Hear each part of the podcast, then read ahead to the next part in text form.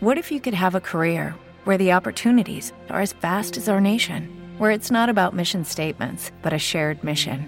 At U.S. Customs and Border Protection, we go beyond to protect more than borders from ship to shore, air to ground, cities to local communities. CBP agents and officers are keeping people safe. Join U.S. Customs and Border Protection and go beyond for something far greater than yourself. Learn more at cbp.gov/careers.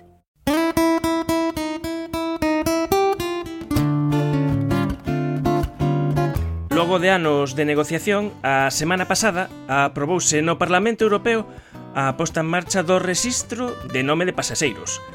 A orixe desta medida é a loita antiterrorista e supón na práctica a obriga da cesión por parte das compañías aéreas data 19 datos persoais dos viaxeiros ás autoridades.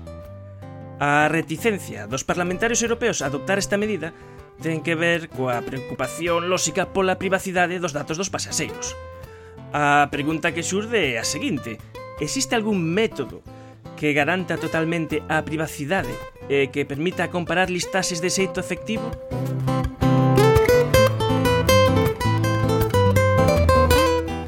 Pablo Dago, moi boas tardes. Hola, boas tardes. Pablo Dago é investigador de Gradian, o Centro Tecnolóxico de Telecomunicacións de Galicia.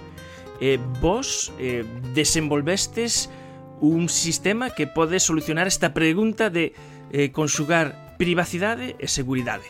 Sí, xa levamos uns anos traballando nesto coa colaboración do Grupo de Procesado de Sinal da Universidade de Vigo e o que tratamos de facer aquí é eh, pois aplicando tecnoloxías de, de criptografía pois que non sexa necesario coñecer toda a información que está na lista para, para buscar nela. Tan só é necesario coñecer que información queremos buscar entón poderemos saber se está dentro sen necesidade de desvelar outros datos que poden ser datos persoais de persoas que non temos por que buscar.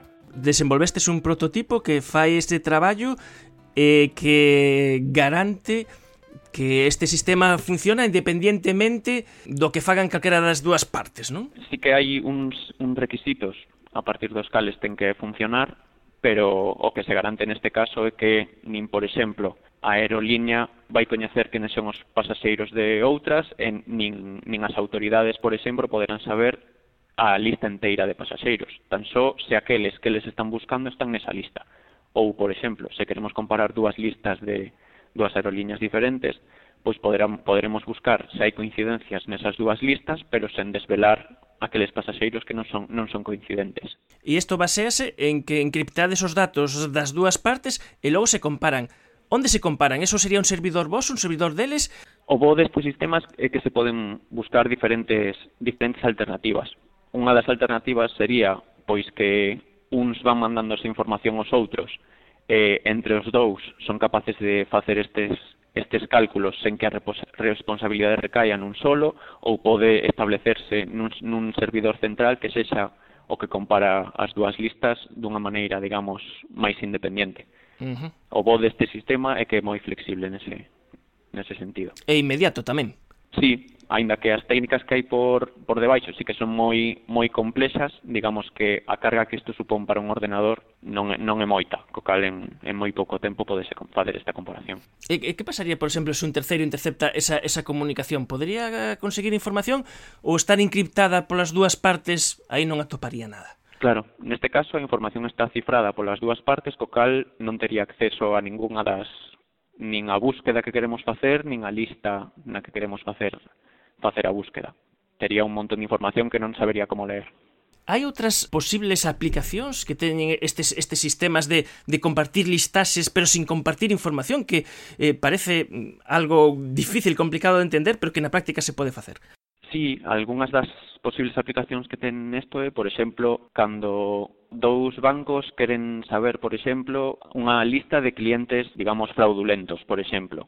Queren comparalas, pero un banco non lle quere dar información ao outro de quen son os seus clientes. Pois neste caso poderían comparar as dúas listas e dicir, vale, pois estes catro clientes en concreto, os dous os tedes marcados como críticos ou, por exemplo, para compartir datos, datos entre dúas compañías que realmente son rivais, pero que poden aproveitar moito o a compartición de datos, non poden dar toda a información, pero sí que lles pode interesar simplemente compartir a parte que teñen en común para saber que a teñen en común. E, e outra curiosidade, para que funcionen estas listases, eh, teñen que ser... Eh, Por exemplo, se é por palabras, por nomes, ten que haber unha coincidencia exacta ou, ou pode haber unha coincidencia parcial. Digo, por exemplo, se resulta que o sospeitoso é un López, en a listaxe hai varios López, aí saltaría, non saltaría, que pasaría aí?